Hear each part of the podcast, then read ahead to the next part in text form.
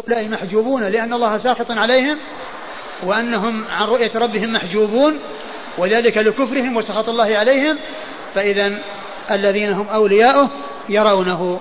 قال الشافعي رحمه الله فلما حجب هؤلاء في حال السخط دل على أن أولياءه يرونه في حال الرضا أي لكونه راضيا عنهم فإنهم يرونه وأولئك محجوبون عن رؤيته لأنه ساخط عليهم.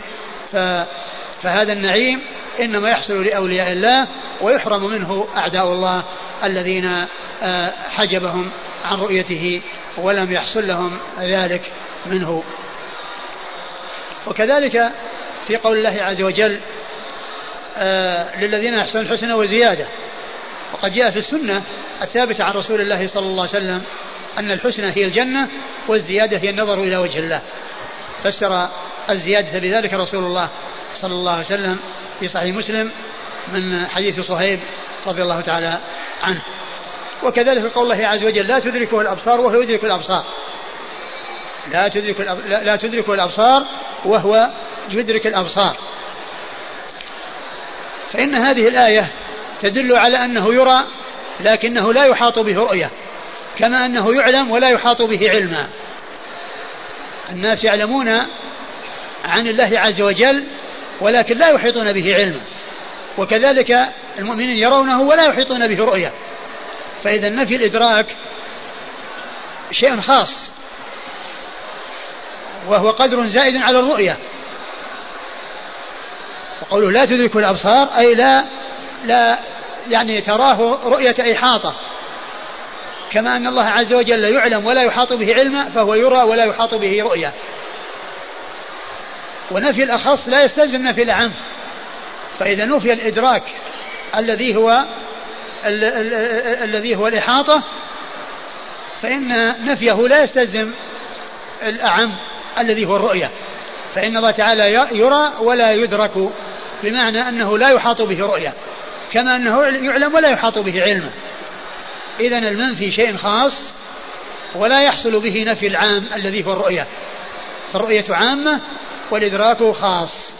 الذي هو رؤية خاصة يعني معها إحاطة. إحاطة بالمرء وهو الله عز وجل. فلا يحاط به رؤية كما أنه لا يحاط به علما.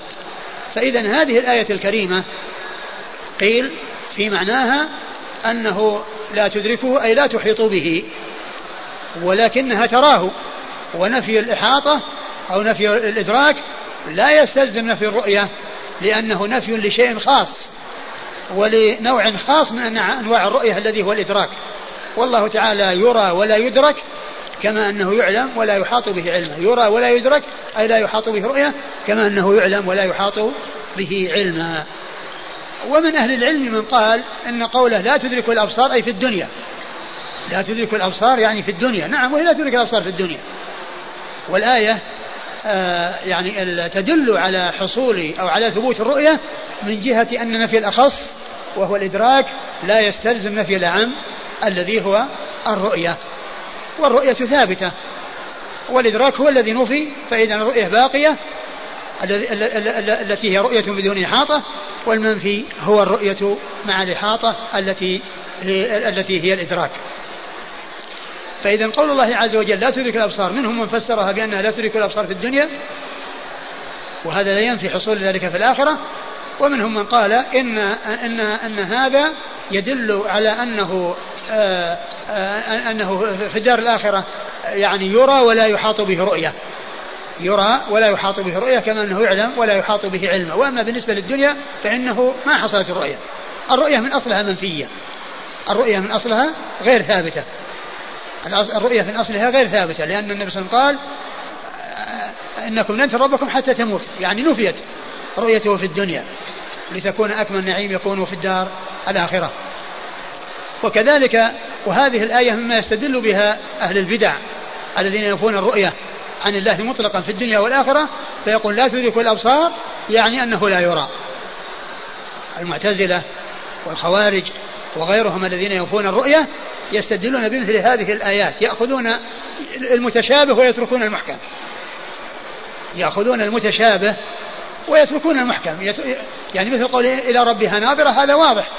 إلى ربها آه، لا تدرك الأبصار آه، آه، محتمل يكون المقصود في الرؤية ولكن يراد بها في الدنيا ومحتمل أن يكون المراد بذلك نفي الإحاطة مع ثبوت الرؤية ونفي الأخص لا يستلزم نفي العام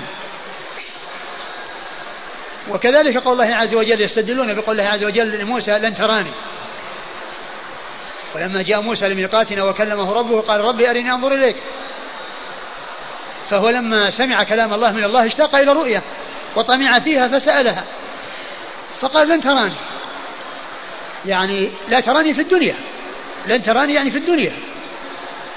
والرسول وموسى عليه الصلاة والسلام ما سأل الله أمرا مستحيلا لا يتصور حصوله وإنما سأله أمرا ممكنا سأله أمرا ممكنا وليس بمستحيلا ومن, ومن المستحيل أن يكون موسى عليه الصلاة والسلام لا يعلم آآ آه، آآ آه، آه، يعني بأن رؤيته مستحيلة ثم يسألها.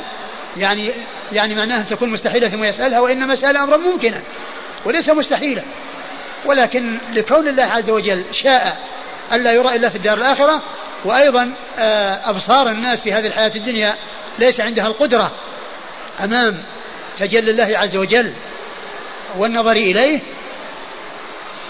والله عز وجل لو لو أراد لا أعطاهم من القدرة في الدنيا ما يتمكنون من رؤيته لو أراد رؤيته. ولهذا في الدار الآخرة يعطيهم من القوة ما يتمكنون من رؤيته. يعطيهم القوة. فلو شاء أن يعطيهم القوة في الدنيا لفعل. ولكنه كما عرفنا الله شاء أن تدخر هذه النعمة التي هي أكمل نعيم للدار الآخرة فلا تكون حاصلة في الدنيا. وإذا موسى عليه السلام سأل أمرا ممكنا ولم يسأل أمرا مستحيلا. ثم أيضا علق يعني ذلك على آه، الجبل وكونه يعني آه، آه، يثبت أمام تجل الله عز وجل وهو لا يثبت وإنما حصل أنه اندك. وإذا كان الجبل مع صلابته وقوته اندك ولم يثبت أمام تجل الله عز وجل لما تجلى للجبل فالإنسان الذي هو من لحم ودم ومن عظام هو من باب أولى أن يكون يعني لا تحصل له القدرة. كما أن الجبل لم يحصل له الثبوت أمام تجل الله. لكن الأمر كما قلنا هذا إنما هو في الدنيا. ولو شاء الله أن يقدر الناس في الدنيا على أن يروه وشاء أن يروه لحصل ذلك. والله على كل شيء قدير. الذي يقدرهم في الآخرة قادر على يقدرهم في الدنيا لكنه شاء أن يقدرهم في الآخرة ولم يشاء أن يقدرهم في الدنيا لأنه لم يشاء أن يروه في الدنيا. لأنه لم يشاء أن يروه في الدنيا وإنما شاء أن يروه في الآخرة. ولكن انظر إلى الجبل فإن استقر مكانه فسوف تراني.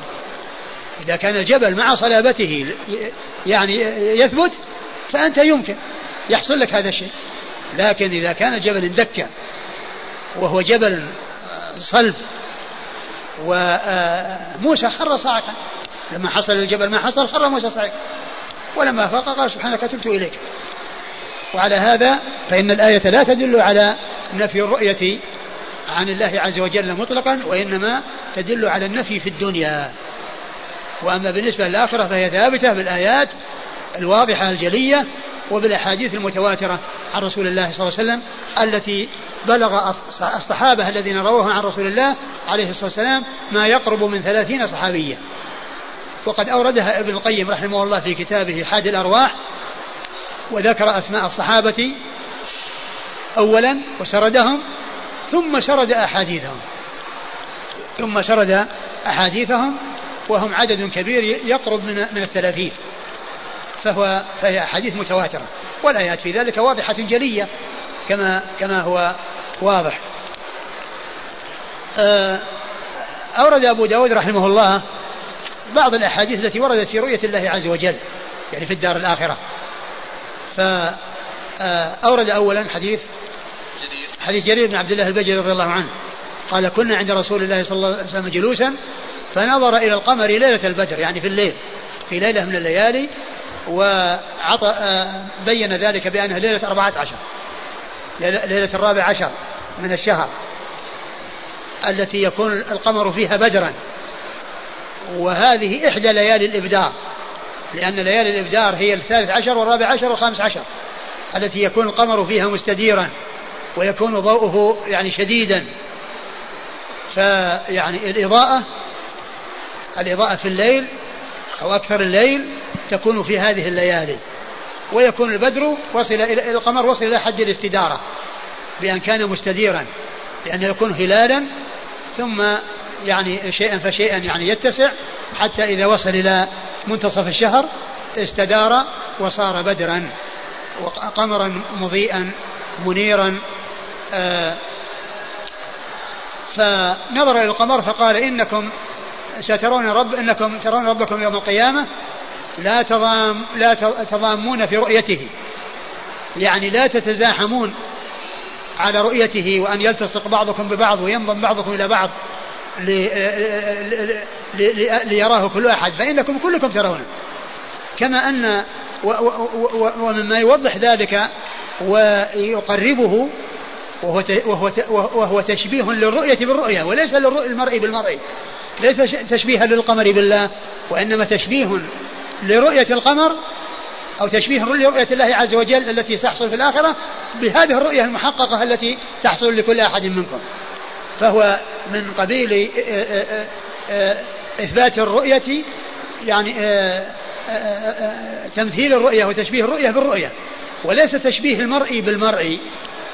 ليس تشبيه المرء الذي هو الله في الدار الآخرة بالمرء في الدنيا الذي هو القمر وإنما هو تشبيه لرؤية الله عز وجل في الآخرة بأنها تكون محققة وتحصل لكل أحد ممن آه، شاء الله عز وجل أن تحصل له كما أن الناس كلهم يرون القمر ليلة البدر ولا يتضامون في رؤيته لا يلتصق بعضهم ببعض مثل ما إذا كان الشيء آه، آه، يرى بسبب ازدحام الناس ونظرهم إلى يعني الشيء الذي يرونه بسبب التزاحم وإنما هذا يرونه كما يرون القمر. والقمر كل يراه وهو في مكانه بدون تزاحم. كل يراه وهو في مكانه بدون تزاحم. يعني الذين القمر يعني ظاهر عليهم وإلا فإنه كما هو معلوم يظهر على أناس ويغيب على أناس. ولكن آه، آه، هو في السماء وهو آية من آيات الله ومع ذلك الناس آه، يرونه بدون تزاحم عليه. والله عز وجل يرونه في الدار الآخرة ولا يتضامون في رؤيته كما أنهم لا يتضامون في رؤية القمر بل كل يراه ولا يفعل شيئا من أجل أن يحصل على رؤيته كالتزاحم وانضمام بعضهم إلى بعض. إنكم ترى ربكم كما ترون القمر ليلة البدر. آه، لا تضامون في رؤيته. وفي بعض الروايات لا تضامون في رؤيته. يعني لا يحصل الضيم لأحد منكم بأن لا تحصل له الرؤية وإنما يحصل للجميع. فرؤية الله عز وجل حاصلة في الآخرة كما أن رؤية القمر حاصلة في الدنيا ولا يضام أحد في عدم رؤيته بل كل يراه والله عز وجل كل من شاء الله أن يراه في الآخرة فإنه يراه بدون ضيم وبدون آه، ازدحام أو انضمام بعضهم إلى بعض لتحصل آه، تلك الرؤية. ثم إن النبي صلى الله عليه وسلم أرشد إلى عمل من الأعمال الصالحة التي هي من أسباب آه، من أسباب تحصيل الثواب الجزيل الذي أعلاه وقمته النظر إلى وجه الله سبحانه وتعالى. التي هي أكمل نعيم يكون لأهل دار النعيم.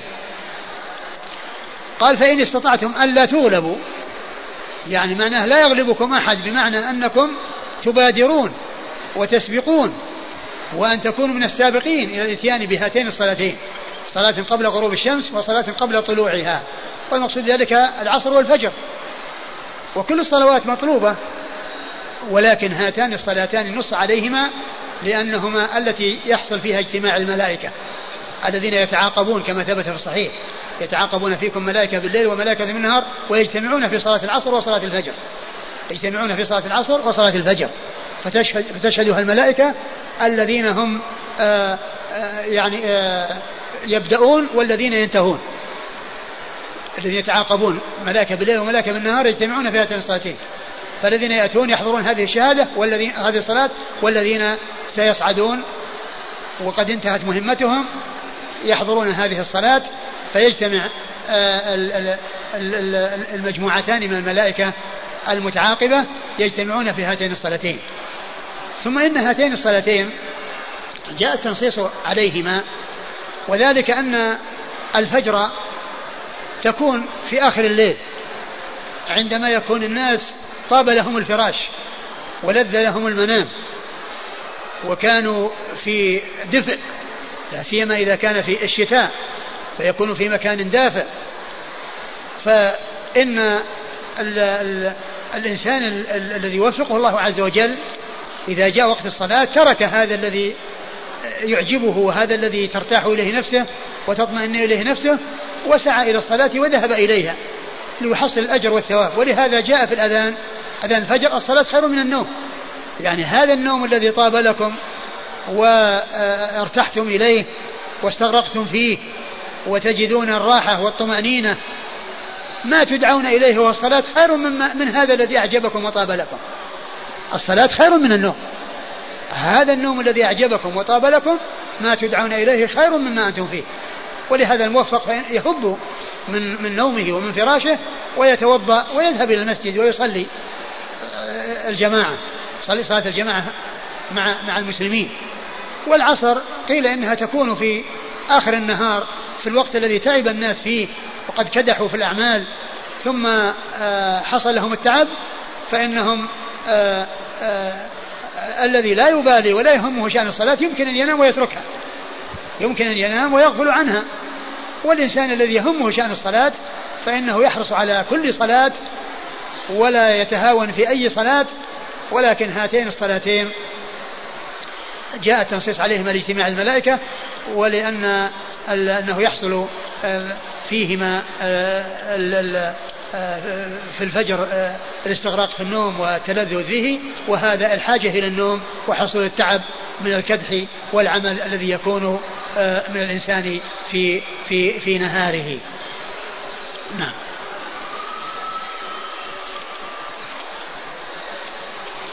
قال حدثنا عثمان بن أبي شيبة. عثمان بن أبي شيبة ثقة أخرج له أصحاب كتب الستة إلا الترمذي وإلا النسائي فقد أخرج له في عمل اليوم والليلة. عن جرير عن جرير بن عبد الحميد الضبي الكوفي ثقة أخرج له أصحاب كتب الستة. ووكيع ووكيع بن الجراح الرؤاسي الكوفي ثقة أخرج له أصحاب كتب الستة. وأبو أسامة وأبو أسامة حماد بن أسامة وهو ثقة أخرج له أصحاب الكتب الستة. عن إسماعيل بن أبي خالد. عن إسماعيل بن أبي خالد وهو ثقة أخرج له أصحاب الكتب الستة. عن قيس بن أبي حازم. عن قيس بن أبي حازم وهو ثقة مخضرم أخرج له أصحاب الكتب الستة وهو الذي قيل عنه أنه تمكن أو تيسر له أن يروي عن العشرة المبشرين بالجنة أو عن غالبية العشرة المبشرين بالجنة. عن جرير بن عبد الله عن جرير بن عبد الحميد عن, عن جرير بن عبد الله البجلي رضي الله تعالى عنه صاحب رسول الله صلى الله عليه وسلم وحديثه أخرجه أصحاب الكتب الستة. قال حدثنا إسحاق بن إسماعيل قال حدثنا سفيان عن سهيل بن أبي صالح عن أبيه أنه سمعه يحدث عن أبي هريرة رضي الله عنه أنه قال قال ناس يا رسول الله أنرى ربنا يوم القيامة؟ قال هل تضارون هل هل تضارون في رؤية الشمس في الظهيرة؟ ليست في سحاب. ليست في سحابة؟ قالوا لا. قال هل تضارون في رؤية القمر؟ ليلة البدر ليس في سحابة؟ قالوا لا. قال والذي نفسي بيده لا تضارون في رؤيته. لا تضارون. لا تضارون في رؤيته إلا كما تضارون في رؤية أحدهما. ثم ورد أبو داود حديث أبي هريرة وهو مثل الذي قبله وقد سأله أصحابه رضي الله عنهم وأرضاهم هل نرى ربنا يوم القيامة؟ فقال هل تضارون في رؤية الشمس في الظهيرة؟ ليس يعني في, في, سحاب يعني آه يعني ليس فيها ليس هناك سحاب يمنع من رؤيتها بل هي واضحة جلية وفي الظهيرة في منتصف النهار وليس هناك سحاب يحجبها. هل تضارون؟ يعني يضر بعضكم بعضا من أجل أن تتمكنوا من رؤيتها أو أن كل يراها دون أن يكون بحاجة إلى آه، أن يزدحم بعضهم ببعض بحيث يتضرر بعضهم ببعض بسبب الازدحام. فهم يرون الشمس وكل يرى الشمس إذا كان إذا لم يكن دونها سحاب بسهولة ويسر وبدون تعب ومشقة وبدون مضرة تحصل عليه تحصل تحصل له. لأنها في السماء وهي آية من آيات الله. وإذا كان هذا مخلوق من مخلوقات الله آه الذي هو الشمس. الناس يرونه وكل يراه. ولا يحصل له آه ضرر ب آه في الوصول إلى رؤيته. يكون هناك ازدحام ويضر بعضهم بعضا بسبب ذلك. فالله عز وجل وهو الخالق لكل شيء يرى ولا يتضرر الناس في رؤيته. كل يراه. فالحديث يعني كالذي قبله في تشبيه الرؤيا بالرؤيا وليس تشبيه المرئي بالمرئي. وكذلك أيضا بالنسبة للقمر ليلة البدر ليس في سحاب يعني ليس هناك سحاب يحجبه ويحول بينكم وبين رؤيته فأنتم لا تضارون في رؤيته بل كل يراه بسهولة ويسر. ثم إن النبي صلى الله عليه وسلم لما قرر لهم هذا الشيء و يعني أخبرهم بأنهم يرى بأنهم آه، لا يحصل لهم تضارب في رؤية الشمس ولا رؤية القمر أقسم وقال والذي نفسي بيده أنكم ترون ربكم آه، لا تضارون في رؤيته. لا تضارون في رؤيته. يعني معناه أن الرؤية محققة لكم كما أن رؤيتكم للقمر في الدنيا محققة. رؤيتكم لله عز وجل في الآخرة محققة كما أن رؤيتكم للقمر في الدنيا محققة. والتشبيه للرؤية بالرؤية وليس للمرئي بالمرئي لأن الله تعالى لا يشبه شيء من خلقه كما قال الله عز وجل ليس كمثله شيء وهو السميع البصير. وهذا من كمال بيانه صلوات الله وسلامه وبركاته عليه. لأنه آه، آآ يعني مهد للرؤية ولإثبات الرؤية بهذا التمهيد الذي يتضح به الأمر ويكون واضحا جليا. لأنه لما سألوه سألهم قال هل تضارون في رؤية الشمس الظهيرة هذا في القمر ليلة البدر؟ ولما تقرر لهم أن هذا أمر محقق قال إن رؤيتكم لله عز وجل أمر محقق كما أن هذا الذي تشاهدونه وتعاينونه أمر محقق. فهذا من كمال بيانه عليه الصلاة والسلام. فهو أكمل الناس بيانا وأفصحهم لسانا. صلوات الله وسلامه وبركاته عليه. نعم. قال حدثنا إسحاق بن إسماعيل. إسحاق بن إسماعيل الطالقاني وهو ثقة أخرجه أبو داود. ثقة أخرجه أبو داود. عن سفيان.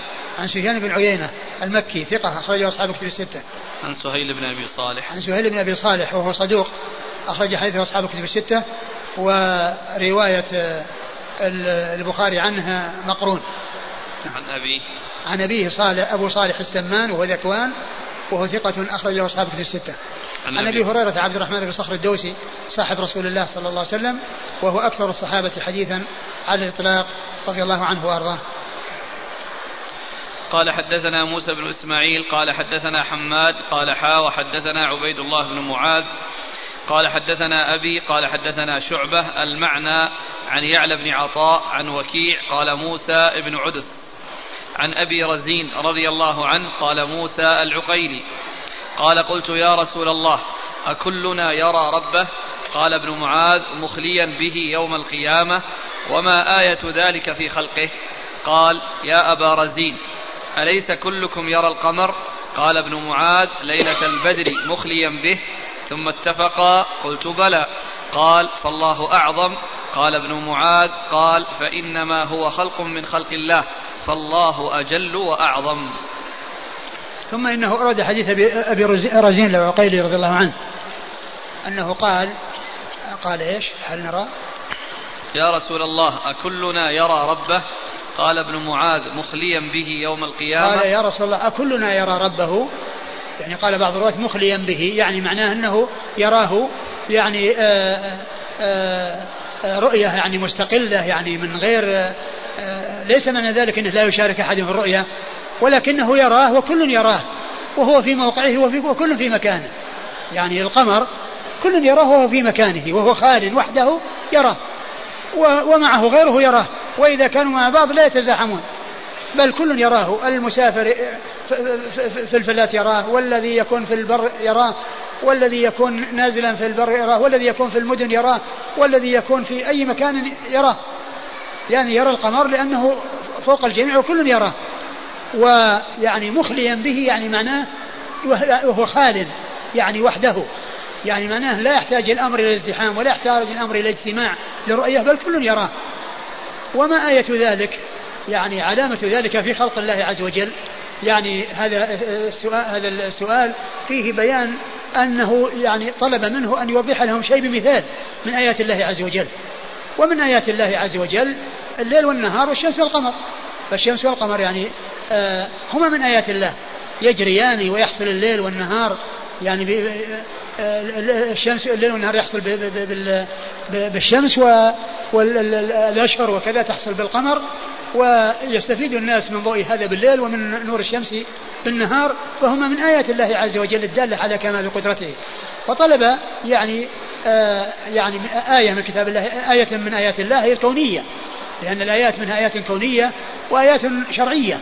فالآيات الكونية هي مثل الليل والنهار والشمس والقمر. والآيات الشرعية آيات القرآن الكريم. آيات القرآن الكريم هذه الآيات الشرعية. وما آية ذلك في خلقه؟ يعني يعني آه الآية هي العلامة. يعني يريد أن يعرف يعني شيء علامات يتضح آه، في الخلق ويكون يعني يوم القيامة تتحقق الرؤية كما يتحقق الشيء الذي يضرب به المثل.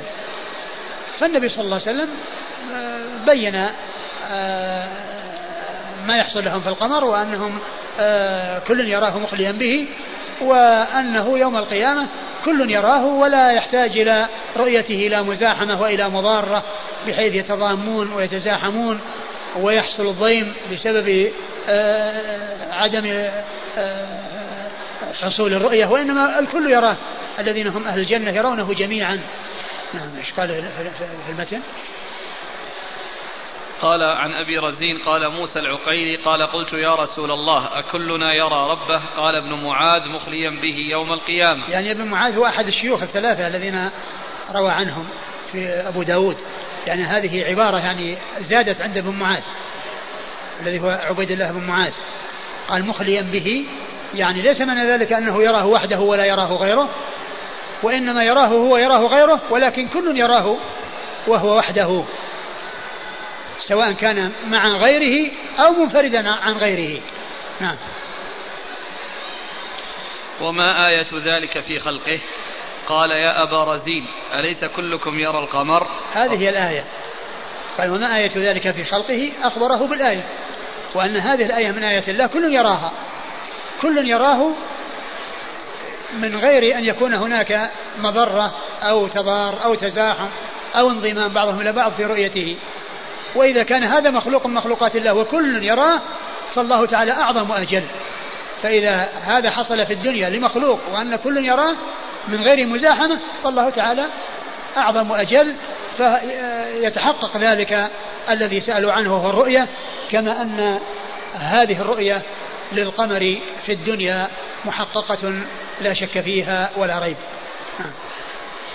قال ابن معاذ ليلة البدر مخليا به ثم اتفقا قلت بلى قال فالله أعظم قال ابن معاذ قال فإنما هو من خلق قال فإنما هو خلق من خلق الله فالله أجل وأعظم. نعم هذا المخلوق هذا المخلوق الذي هو القمر خلق من خلق الله وكل يراه يعني آه، غير مخليا به يعني غير منفرد به بل كل يراه. كل يراه. فالله أعظم وأجل. يعني أنه أنه يرى ولا يحصل آه، المضارة والانضمام بعضهم إلى بعض للتمكن من رؤيته بل كل يراه آه، من غير آه، حصول شيء من ذلك نعم قال حدثنا موسى بن إسماعيل موسى بن إسماعيل التبوذكي البصري ثقة أخرجه أصحاب كتب الستة. عن حماد عن حماد بن سلمة بن دينار البصري ثقة أخرجه البخاري تعليقا ومسلم وأصحاب السنن. قال حا وحدثنا عبيد الله بن معاذ قال ثم قال حا وحدثنا عبيد الله بن معاذ وهو العنبري عبيد الله بن معاذ بن معاذ العنبري وهو ثقة أخرج حديثه البخاري ومسلم وأبو داود والنسائي.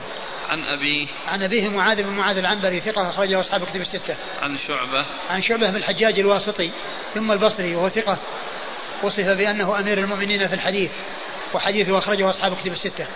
المعنى عن يعلى بن عطاء عن يعلى بن عطاء وهو ثقة أخرجه البخاري في جزء القراءة ومسلم وهو ثقة أخرجه البخاري في جزء القراءة ومسلم وأصحاب السنة عن وكيع قال موسى بن عدس. قال عن وكيع قال موسى أي موسى بن إسماعيل الذي هو الشيخ الأول. يعني قال قال موسى نسب فقال ابن عدس. وأما عبيد الله معاذ فقد قال وكيع فقط ولم يضف إليها شيئا. يعني ما نسبه؟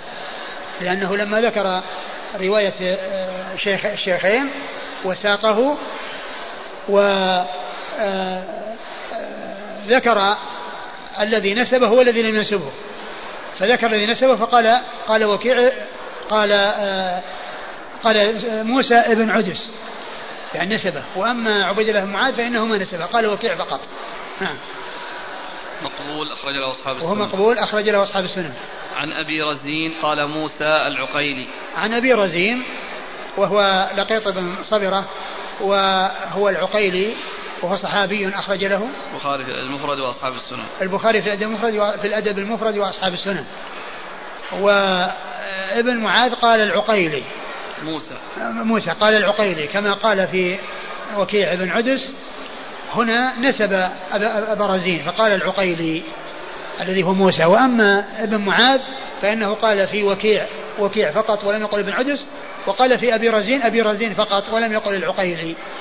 وهذا فيه بيان دقة المحدثين وأن الشخص إذا إذا حصل منه آه، تميز في شيء وأن هذا زاد نسبة وهذا زاد يعني آه، ذكر الأب وهذا ذكر نسبة الراوي فإنهم ينبهون على ذلك كما فعل أبو داود رحمه الله هنا.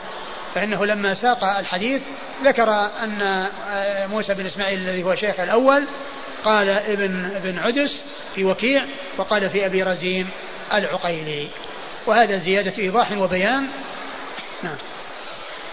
قال رحمه الله تعالى باب في الرد على الجهمية. قال حدثنا عثمان بن أبي شيبة ومحمد بن العلا أن أبا أسامة أخبرهم عن عمر بن حمزة. قال قال سالم أخبرني عبد الله بن عمر رضي الله عنهما أنه قال قال رسول الله صلى الله عليه وعلى آله وسلم يطوي الله السماوات يوم القيامة ثم يأخذهن بيده اليمنى ثم يقول أنا الملك أين الجبارون؟ أين المتكبرون؟ ثم يطوي الأراضين. ثم يأخذهن. قال ابن العلا بيده الأخرى. ثم يقول أنا الملك. أين الجبارون؟ أين المتكبرون؟ ثم ورد أبو داود هذه الترجمة باب في الرد على الجهمية. وقد سبق يعني قبل ذلك باب في الجهمية. باب في الجهمية. وهنا قال باب في الرد على الجهمية. والموضوع واحد. وفي وقد جاء في كما ذكر صاحب المعبود أن يعني في في نسخة صحيحة ذكر هذا الباب وفي غالب النسخ لا يوجد هذا الباب. لا يوجد هذا الباب ولكن إذا حذف هذا الباب على ما هو في أكثر النسخ فإن ال ال الأحاديث التي فيه لا تناسب باب الرؤية. لا تناسب باب الرؤية بل هي يعني هي تتعلق بالرد على الجهمية. قال ولعل هذا من عمل النساخ يعني تقديم وتأخير وإلا فإن الترجمة مكررة مع السابقة وأغلب النسخ لا يوجد في هذه الترجمة وإذا حذفت الترجمة واتصلت بأحاديث الرؤية فإنه لا علاقة لها بالرؤية وإنما علاقتها بالرد على في باب في الجهمية الذي تقدم. قال لعل هذا من عمل بعض النساخ الذي هو التقديم والتأخير وسبق في الدرس الماضي أو الذي قبله الكلام على ما يتعلق بالجهمية وبيان فساد مذهبهم وقد جاء ذلك أو أغلب ما جاء في ذلك من النصوص يتعلق بعلو الله عز وجل وفوقيته فوق يعني خلقه فإن الجهمية ينكرون الصفات ينكرون صفات الله عز وجل ويؤولونها جميعها. ف هذان الحديثان أو الذين أوردهما المصنف هنا والذي سيأتي ذكرهما آه، هما يتعلقان بموضوع صفات الله عز وجل وهما مثل ما تقدم في ما آه، ما تقدم في الباب الذي سبق وهو باب في الرد على الجهمية. أورد أبو داود رحمه الله حديث ابن عمر. حديث ابن عمر عبد الله بن عمر. قال قال قال صلى الله عليه وسلم يطوي الله السماوات يوم القيامة ثم يأخذهن بيده اليمنى قال يطوي الله السماوات يوم القيامة. يعني يطويهن يطيه ضد البسط ثم يأخذهن بيده اليمنى. وهذا فيه إثبات اليد لله عز وجل وإثبات أن لله يدين. لله يد... أن... أن لله يدين. هنا قال اليد اليمنى وهنا قال اليد الأخرى. فإذا لله يدان. وقد جاء في القرآن الكريم أن لله أن لله يدين. ما منعك أن تسجد لما خلقت بيدي. ما منعك أن تسجد لما خلقت بيدي. بل يداه مبسوطتان. ينفق كيف يشاء. فلله عز وجل يدان حقيقيتان وهما من صفاته الذاتية القائمة بذاته سبحانه وتعالى والواجب هو الإيمان بهما والتصديق بسائر الصفات على طريقة واحدة وهي أن يثبت لله عز وجل كل ما أثبته لنفسه وأثبته له رسوله صلى الله عليه وسلم من غير تشبيه ومن غير تعطيل بل إثباتا مع تنزيه. هذا الإثبات لا تشبيه معه والتنزيه لا تعطيل معه. على حد قول الله عز وجل ليس كمثله شيء وهو السميع البصير فأثبت السمع والبصر في قوله وهو السميع البصير ونفى المشابهة في قوله ليس كمثله شيء. فالله تعالى لا يشبه أحدا من خلقه وصفاته ثابتة له كما يليق به سبحانه وتعالى ولا يجوز آه، نفيها عنه ولا تحريفها وتعطيلها بل يجب إثباتها مع تنزيه الله عز وجل عن مشابهة المخلوقين. فالحديث فيه إثبات اليدين لله سبحانه وتعالى وأن لله يدين والجهمية آه، ينكرون ذلك ويؤولون كل ما جاء في ذلك والله عز وجل يجب أن يثبت له كل ما أثبته لنفسه وأثبته له رسوله عليه الصلاة والسلام على وجه يليق بكماله وجلاله دون مشابهة لخلقه ودون تعطيل للصفة آه، عنه بل تثبت له مع تنزيهه عن مشابهة المخلوقات. ثم يعني يقول أنا الملك أين الجبارون أين المتكبرون؟ وفي ذلك اليوم ما يكون هناك تجبر وهناك تكبر. التجبر والتكبر في الدنيا. وفي ذلك اليوم يكون الجميع خاضعين لله عز وجل. ما في الا الخضوع والذلة لله سبحانه وتعالى. بخلاف الدنيا فإنه يوجد فيها التكبر والتجبر. ولهذا كما سبق أن أشرت قريبا في قول الله عز وجل مالك يوم الدين. يعني مالك يوم الجزاء والحساب مع أن الله مالك الدنيا والآخرة. ولكن نص على يوم القيامة وعلى ملكه ليوم الدين مع أنه مالك كل شيء لأن ذلك اليوم الذي هو يوم الدين يخضع فيه الجميع لرب العالمين. ما في تكبر وتجبر وما فيه إلا الذلة والخضوع لله سبحانه وتعالى. ولهذا قال هنا أين الجبارون؟ أين المتكبرون؟ أين الجبارون المتكبرون في الدنيا؟ ليس هناك عندهم إلا الذلة والخضوع لله سبحانه وتعالى. ثم يأخذ الأراضين ثم إيش؟ يطوي الأراضين. الأول السماوات ثم قال يطوي الأراضين. ثم يطوي الأراضين ويأخذهن بيده الأخرى. ويأخذهن بيد الأخرى ويقول أنا أنا الملك. أين الجبارون؟ أين المتكبرون؟ أنا الملك الذي هو مالك لكل شيء. والسماوات والأرض كلها ملك الله. والدنيا والآخرة كلها ملك الله. والله تعالى هو الخالق ومن سواه مخلوق. فهو الخالق لكل شيء. وهو المالك لكل شيء وهو المتصرف في كل شيء سبحانه وتعالى نعم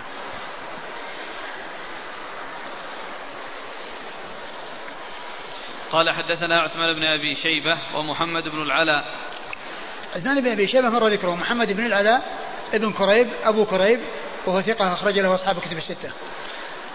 عن أبي أسامة عن عمر بن حمزة.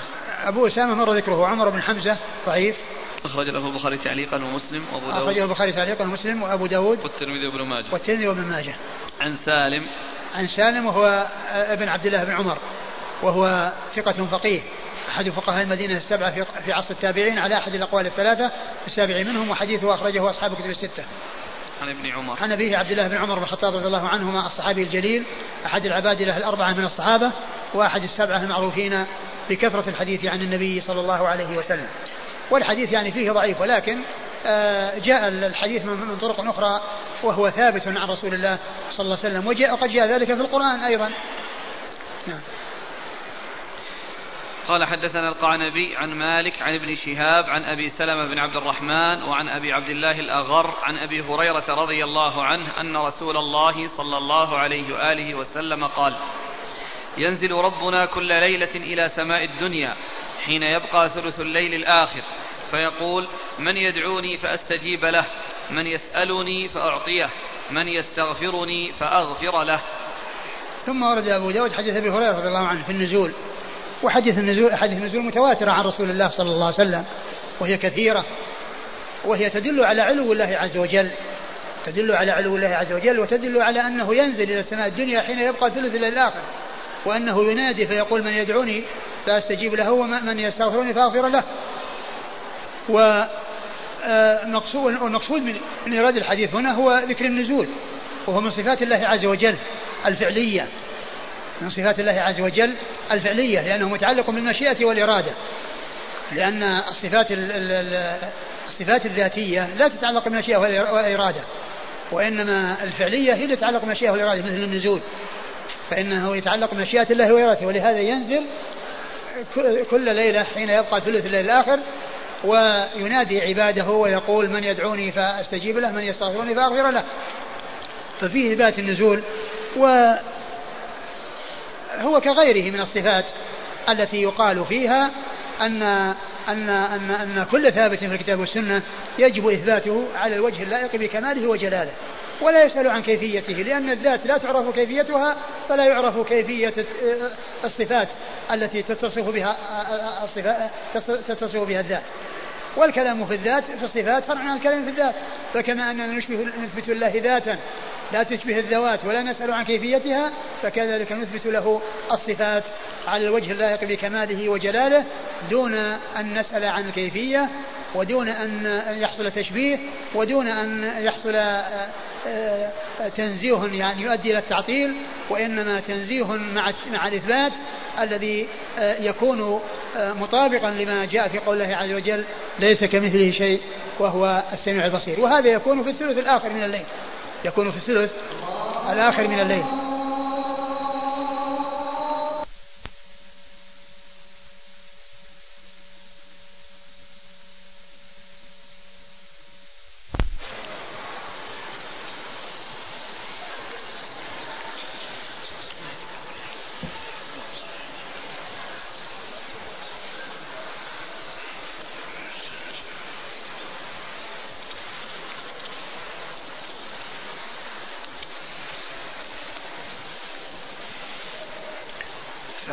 هذا الحديث من أحاديث الصفات الذي هو حديث النزول وكما عرفنا كغيره من سائر الصفات تثبت الله عز وجل على ما يليق به. والذات لا يعلم كنها فلا يعلم كيفية نزولها. والله عز وجل فوق العرش وينزل كما يليق به. ومعلوم أن المخلوقات لا تحول الله عز وجل ولا يكون حالة في المخلوقات والمخلوقات لا تكون حالة بالله. ولكننا لا نعرف كيفية لا نعرف كيفية الذات فلا نعرف كيفية الصفات وإنما نثبت كل ما جاء في الكتاب والسنة على ما يليق بالله دون أن نبحث عن الكنه والكيفية. نعم. قال حدثنا القعنبي. القعنبي عبد الله بن مسلمة بن قعنب القعنبي ثقة أخرج له أصحاب الكتب الستة إلا ابن ماجه. عن مالك. عن مالك بن أنس إمام دار الهجرة المحدث الفقيه. أحد أصحاب المذاهب الأربعة المشهورة من مذاهب أهل السنة وحديثه أخرجه أصحاب الكتب الستة. عن ابن شهاب عن ابن شهاب محمد بن مسلم بن عبيد الله بن شهاب الزهري ثقة فقيه وهو من صغار التابعين أخرج له أصحاب الكتب الستة. عن أبي سلمة بن عبد الرحمن عن أبي سلمة بن عبد الرحمن بن عوف وهو ثقة أخرج له أصحاب الكتب الستة. وأبي عبد الله الأغر. وأبي عبد الله الأغر وهو سلمان الأغر وهو ثقة أخرج له أصحاب الكتب الستة. عن أبي هريرة. عن أبي هريرة عبد الرحمن بن صخر الدوسي رضي الله عنه وقد مر ذكره. انتهى الباب نعم والله تعالى أعلم وصلى الله وسلم وبارك على عبده ورسوله نبينا محمد وعلى آله وأصحابه أجمعين جزاكم الله خيرا وبارك الله فيكم ونفعنا الله بما قلتم يقول ذكر عن عبد الرحمن بن مهدي أنه قال لشاب عندما سمعه يتكلم في ذات الله وصفاته ويشبهها قال له صف لي طائرا بثلاثة أجنحة. كيف ركب الثالث؟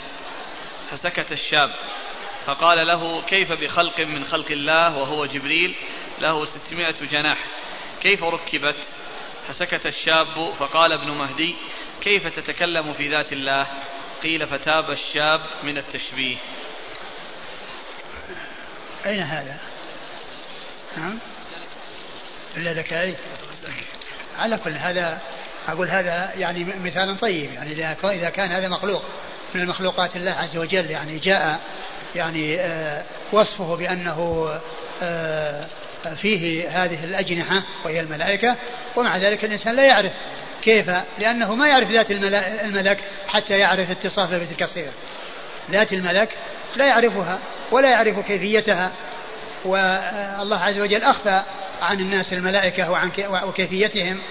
وإذا رأوهم يرونهم بصورة البشر كما جاءوا إلى إلى إلى إلى إبراهيم وإلى لوط وجاء جبريل مريم وجاء إلى نبينا محمد عليه الصلاة والسلام بصورة رجل من أصحابه وبصورة رجل غير معروف والنبي صلى الله عليه وسلم رآه على الكيفية التي خلقه الله عليها وله 600 جناح وقد سد الأفق وقد رآه فوق السماوات عندما عرج به إلى السماء صلى الله عليه وسلم رآه مرتين. وإذا كان هذا مخلوق مخلوقات الله والإنسان ما يستطيع أنه يعني يعرف كيفية هذه الأجنحة التي آه، جعلها الله تعالى فيه والتي يطير فيها فإذا يسكت عن آه، التفكير في كيفية ذات الله سبحانه وتعالى. هل يصح أن تسمى اليد الأخرى باليسرى أو بالشمال؟ لله جاء, جاء في صحيح مسلم تسميتها بالشمال ويأخذ الأراضين بشماله. وهذا لا لا يؤثر لأن لأن كونها شمال وقد جاء بها الحديث آه، لا يعني أن أن فيها نقصا عن اليمين بل الأمر كما قال رسول الله صلى الله عليه وسلم كلتا يديه يمين. كلتا يديه يمين أي كل منهما في غاية الكمال. كل منهما في غاية الكمال ليست واحدة أكمل من الأخرى كما أن المخلوقين اليد اليمنى أكمل من الأخرى فإن الله عز وجل يداه كل منهما يمين كل منهما في غاية الكمال. فإذا كلمة الشمال جاءت في صحيح مسلم ويعني ومعناها كما هو معلوم آه، أنها آه، هي هي واليمنى كلتاهما يقال لهما يمين من ناحية أنهما في غاية الكمال. نعم. يقول أشكل علي في الحديث أن الله يطوي السماوات يوم القيامة ويطوي الأراضين فأين يكون الخلق من إنس وجن والملائكة في ذلك الوقت؟ الله الله على كل شيء قدير. يعني هم في حيث حيث شاء الله عز وجل أن يكونوا يقول أهل الأهواء إذا تحقق النزول إلى سماء الدنيا كيف يتحقق الاستواء على العرش؟ فهل العرش سيكون خاليا؟ الله عز وجل فوق العرش ومستو على عرشه وفوق خلقه وذاته لا نعرف كيفيتها فلا نعرف كيفية استواه ولا نعرف كيفية نزوله. ولكن لا يقال أنه بنزوله تكون السماوات تحويه. فالله أعظم وأجل من أن يحويه شيء من مخلوقات إذا شيء من خلقه. إذا كانت السماوات والأراضين وعلى ضخامتها هي كالخردلة أمام عظمة الله عز وجل فلا يعني يقال أنه يحويه شيء من مخلوقاته. لكن الذات لا يعلم كنهها واتصافها بالصفة لا يعلم كنهه ولكن كل ما ثبت وكل ما ورد يثبت ولا يبحث عن الكيفية. ولا يقال إن العرش يخلو منه وأنه إذا نزل يكون العرش ما فوق أحد بل الله فوق العرش وينزل. ونزوله لا تحويه المخلوقات بمعنى أنه يكون محويا وإنما نحن ما عرفنا الذات حتى نعرف كيفية نزولها. نعم. وهذا إشكال آخر يقول أن ثلث الليل الآخر يختلف بالنسبة من مكان إلى مكان. فهل معنى ذلك أن الله يكون دائما في نزول؟ نعم يعني آه، آه، كل آه، كل إنسان في أي مكان في ثلث الليل الآخر هو الوقت الذي يتجلى الله عز وجل الذي ينزل الله عز وجل الذي ينزل الله عز وجل ويقول هل من يسألني؟ فأجيبه. ومعنى ذلك أن كل إنسان يأتي إلى ثلث الليل الآخر في أي مكان وهذا هو الوقت الذي فيه نزول الله عز وجل وعليه أن يسأل الله عز وجل وأن يستغفره والله يجيبه. ولا يقال إن هذا إنما هو آه، لمكان معين وأن الباقين لا نصيب لهم لأن كل عنده ليل ونهار كل عنده ليل وعنده نهار وكل عنده آخر الليل. ومن آه، ومن استراح في في في نومه وفي ليله فإنه يقوم في ثلث الآخر وهو الوقت الذي يقول الله عز وجل فيه الذي ينزل ويقول من يسألني فأجيبه من يستغفرني فأغفر له. في الحديث الذي ذكرتم لأحرقت سبحات وجهه ما انتهى إليه بصر بصره من خلقه. فهل يعني أن هناك من خلقه من لا يصل إليه هذا البصر؟ لا أبدا. بل معناه أن كل شيء من خلقه أنه يذهب. لأن بصر الله عز وجل نافذ في كل شيء ولا يغيب عنه شيء. ولكن هذا بيان أن أن أن أن, أن حجابه النور لو حصل لا أحرق سبحات وجهه ما انتهى إليه بصره من خلقه. وليس معنى ذلك أن هناك شيء يحجب عن الله وأن الله تعالى يراه. لا يراه فإن الله تعالى يرى كل شيء. ويسمع كل هو سميع لكل شيء وبصير بكل شيء. لا يخفى عليه خافية في الأرض ولا في السماء. فكل آه، المرئيات الله تعالى يراها وكل المسموعات الله تعالى يسمعها ولا يخفى عليه آه، شيء من هذا ولا من هذا. ما معنى هذا الدعاء؟ اللهم ارزقني لذة النظر إلى وجهك الكريم في غير ضراء مضرة ولا فتنة مضلة. نعم يعني هذا في في الدنيا يعني إن يعني ما يحصل لها آه، آه، ضراء مضرة ولا فتنة مضلة في الدنيا التي تكون سببا في المنع من الوصول إلى هذه النعمة العظيمة. التي هي لذة النظر إلى وجه الله سبحانه وتعالى. يسأل الإنسان لذة النظر لأن لذة النظر هي أكمل نعيم يكون لأهل دار النعيم. من غير ضراء مضرة يعني في الحياة الدنيا وفتنة مضلة يعني تمنع أو تكون سببا في عدم الوصول إلى هذه النعمة. هذا الزائر يسأل عن لفظ اسم السيد. هل هو اسم من أسماء الله؟ نعم هو من أسماء الله. الرسول قال السيد الله. التعليل بأن الرؤيا ادخرها الله لأهل النعيم لأنها أعظم نعيم. فإن الخلق يرون ربهم في عرصات القيامة. نعم هذه الرؤية يعني آه، اختلف فيها العلماء على ثلاثة أقوال. منهم من قال إنه في العرصات يراه المؤمنون والكافرون والمنافقون. ومنهم من قال يراه المنافقون والمؤمنون دون الكافرين. ومنهم من قال يراه المؤمنون دون الكافرين والمنافقين. فهي ثلاثة أقوال وقد ذكرها ابن القيم في حاج الأرواح ورجح أن الكل يراه ولكن هذه الرؤية ليس فيها تنعم وإنما فيها يعني آه، آه، فيه من من يتنعم وفيه من يتضرر مثل الكلام مثل الكلام الكلام يعني يكون فيه تنعم وفيه آه، حصول يعني شيء عظيم ويكون فيه يعني فيه تبكيت وتقريع مثل قول الله عز وجل اخسأوا فيها ولا تكلمون. فإن قوله اخسأوا فيها هذا كلام سمعوه ومع ذلك ما تلذذوا به وما استفادوا من هذا الكلام وإنما كبتوا وأنبوا وقرعوا وقيل لهم اخسأوا فيها ولا تكلمون. فالكلام يعني آه، جاء إثباته في حال ونفيه في حال لا يكلمهم الله وجاء اخسأوا فيها ولا تكلمون لا يكلمهم كلاما فيه مسرة وفيه آه، طمأنينة وفيه سرور واخسأوا فيها كلاما فيه تقريع وتبكيت لهم فكذلك الرؤية إذا يعني على أن, أن الكل يراه فإن أنه ليس فيها إلا يعني إلا ما, ما, ما حصل فيها تنعم. جزاكم الله خيرا وبارك الله فيكم ونفعنا الله بما قلتم. بسم الله الرحمن الرحيم. الحمد لله رب العالمين والصلاة والسلام على عبد الله ورسوله نبينا محمد وعلى آله وصحبه أجمعين. أما بعد قال الإمام أبو داود السجستاني يرحمه الله تعالى باب في القرآن.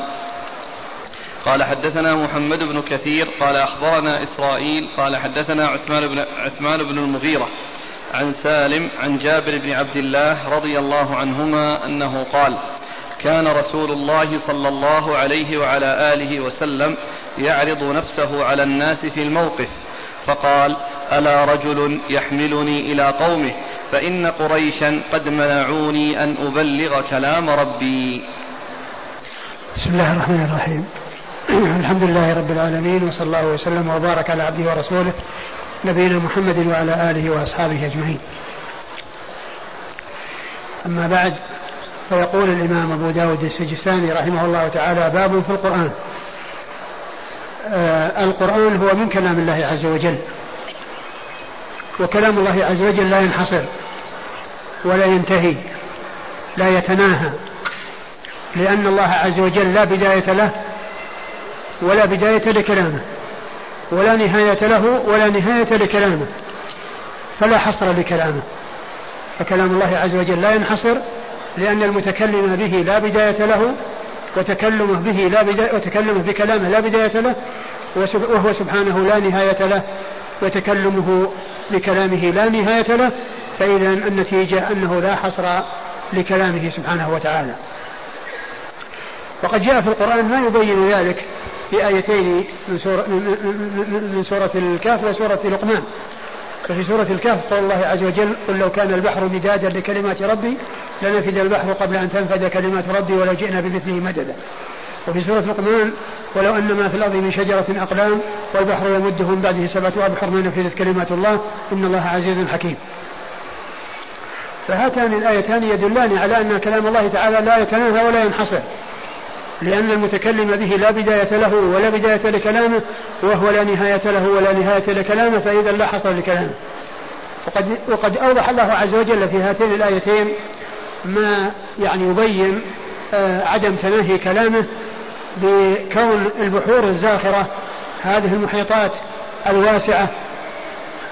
لو آه، لو أنها كانت حبرا ومدادا يكتب به كلام الله ثم ضوعفت أضعاف مضاعفة فإن فإن ذلك المداد الذي هو البحور الزاخرة لو كانت مدادا فإنها لا بد وأن تنتهي. وكلام الله عز وجل لا يمكن أن ينتهي لأنه لا حصر لا حصر له فلا نهاية له. وأما الماء الواسع اللي هو المحيطات على سعتها وعلى وعلى مضاعفتها لو ضوعفت فإنها منتهية ولها حد تنتهي إليه. ولا بد وأن تنتهي على على مر العصور والدهور. وكلام الله عز وجل لا يمكن أن ينتهي. ولهذا جاءت هاتان الآيتان في غاية الوضوح والبيان على كثرة كلامه وأنه لا حصر له ولا نهاية له لأن المتكلم به لا بداية له ولا نهاية له وكلامه لا بداية له ولا نهاية له فهو لا حصر له. قل لو كان البحر مدادا لكلمات ربي مداد يعني حبر يكتب به. لنفد البحر قبل أن تنفد يعني ولا تنفد. لأن كلام الله عز وجل لا ينفد وكذا ولو جئنا بمثله مددا. والآية الثانية ولو أن ما في الأرض من شجرة أقلام والبحر يمده من بعده سبعة أبحر. يعني يضاعفه أضعافا مضاعفة. ما نفدت كلمات الله. يعني لو كتب كلام الله عز وجل بها بهذه البحور المضاعفة ما نفدت كلمة الله ونفدت الأقلام ونفدت البحور. نفدت الأقلام الذي هي بشجر الأرض وبما يعادل شجر الأرض وكذلك البحور الزاخرة كلها تنفد ولا ينفد كلامه سبحانه وتعالى. والقرآن هو من كلامه هو من كلامه. والكتب كلها من كلامه الكتب التي أنزلها على المرسلين هي من كلامه. والقرآن يكتب بحبر في محبرة صغيرة. القرآن من أوله إلى آخره من الفاتحة إلى, إلى, إلى الناس يكتب بمحبرة صغيرة حبر في محبرة صغيرة يكتب بها القرآن وهو من كلام الله. لكن البحور كلها لو كانت حبرا لنفدت ولا ينفذ كلام الله عز وجل لأنه لا حصر له ولا نهاية. ثم إن الله عز وجل آه، متكلم بلا بداية لم يكن غير متكلم ثم تكلم. وكلامه متعلق بمشيئته وإرادته يعني يتكلم إذا شاء متى شاء كيف شاء. كلامه متعلق بمشيئته يتكلم إذا شاء كيف شاء. ويقول العلماء أنه قديم النوع حادث الآحاد. قديم النوع بمعنى أنه لم يكن غير متكلم فتكلم بل هو متكلم بلا ابتداء ولكن لا يقال إن كلامه كله في الأزل وأنه قديم وأنه لا يتعلق بالمشيئه والإرادة بل هو متعلق بالمشيئه والإرادة. والله عز وجل كلم موسى في زمانه. وقد سمع موسى كلام الله من الله. الله تعالى تكلم في زمن موسى وقد أسمع موسى كلام الله عز وجل فسمعه فطمع في الرؤيا فسألها فأخبر بأنها, بأنها لا تحصل في الحياة الدنيا. ولكن الكلام قد حصل. ولهذا يقال له كريم الرحمن. والله عز وجل يقول وكلم الله موسى تكليما. أي أنه سمع كلام الله من الله. سمع كلام الله من الله. فهو قديم النوع أي لم يكن متكلم غير متكلم فتكلم بل هو متكلم بلا ابتداء لكن كلامه متعلق بمشيئته وإرادته يتكلم إذا شاء كيف شاء.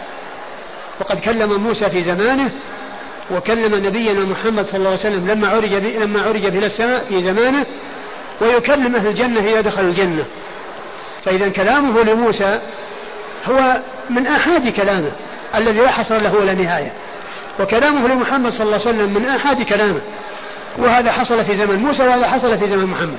وقد سمع موسى كلام الله من الله وسمع نبينا محمد صلى الله عليه وسلم كلام الله من الله. وهو قديم النوع. حادث الآحاد. حادث الآحاد يعني أنه يحصل طبق وفقا لمشيئته وإرادته. شاء أن يكلم موسى في زمانه فكلمه وشاء أن يكلم محمد صلى الله عليه وسلم في زمانه وكلمه وقد شاء أن يكلم أهل الجنة إذا دخل الجنة وهو يكلمهم إذا دخل الجنة. وهو يكلمهم إذا دخل الجنة.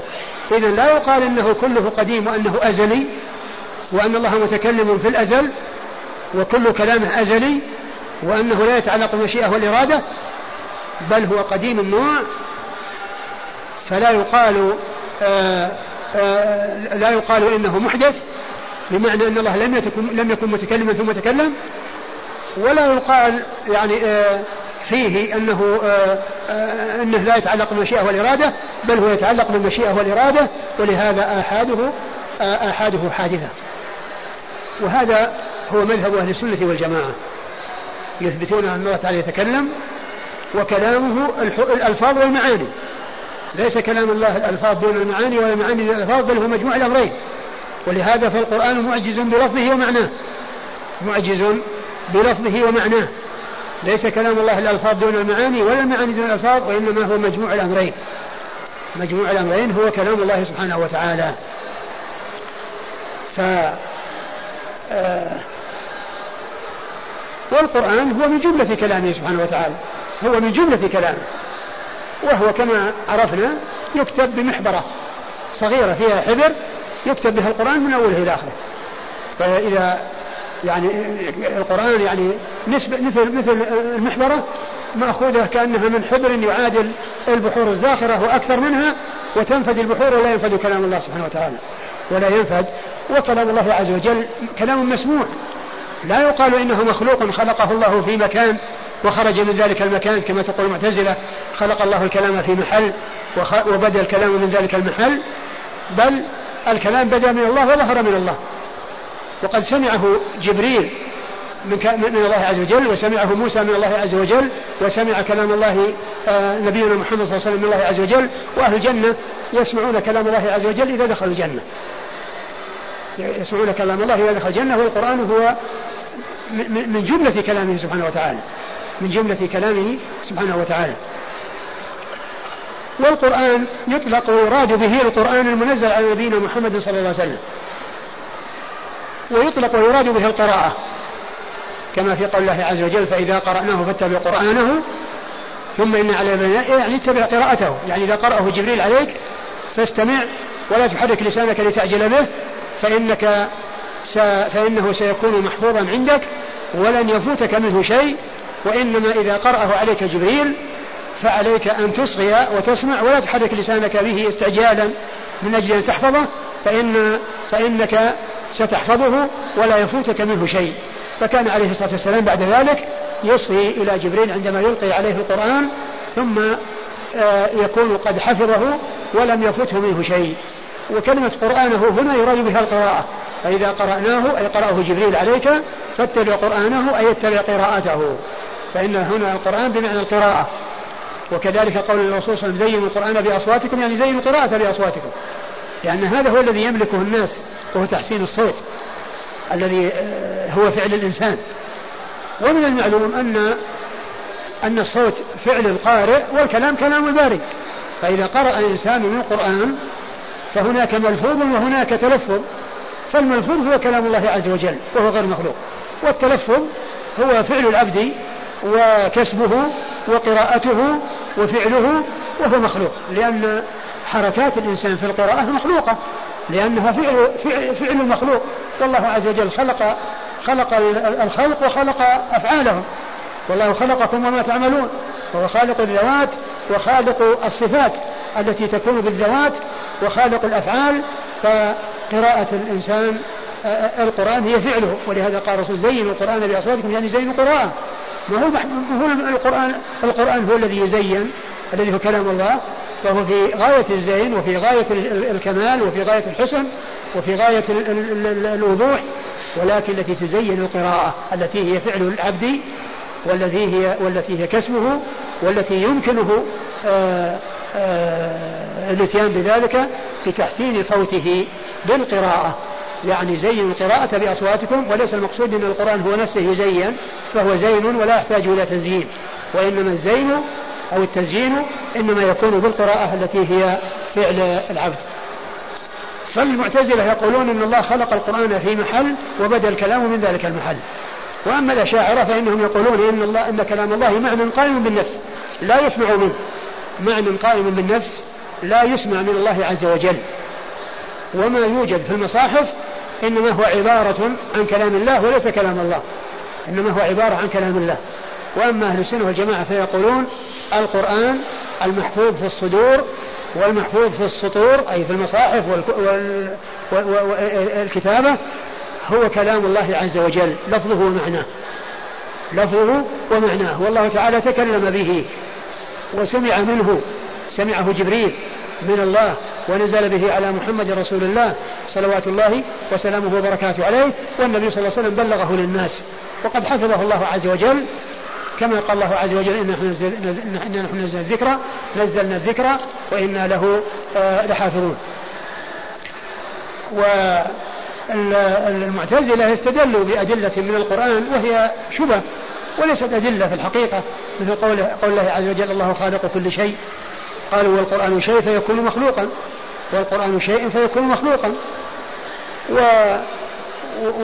وهذا كلام باطل. لأن ليس لأن لأن عموم كل شيء إنما هو بحسبه. والله عز وجل خالق لكل شيء مخلوق. والقرآن ليس مخلوق حتى يكون من جملة المخلوقات. وإنما خالق كل شيء مخلوق. ومن المعلوم أن أن أن صفات الله عز وجل أيضا يقال لها شيء. وليست مخلوقة. فالله يعني هم يثبتون السمع والبصر والسمع والبصر شيء. وإذا فإذا فليكن مثل الكلام يقال أنه مخلوق. وهم لا يقولون بذلك. وهذا من التناقض. وإنما الواجب أن يقال إنه خالق كل شيء مخلوق والله عز وجل بذاته وصفاته هو الخالق وكل من سواه فهو مخلوق.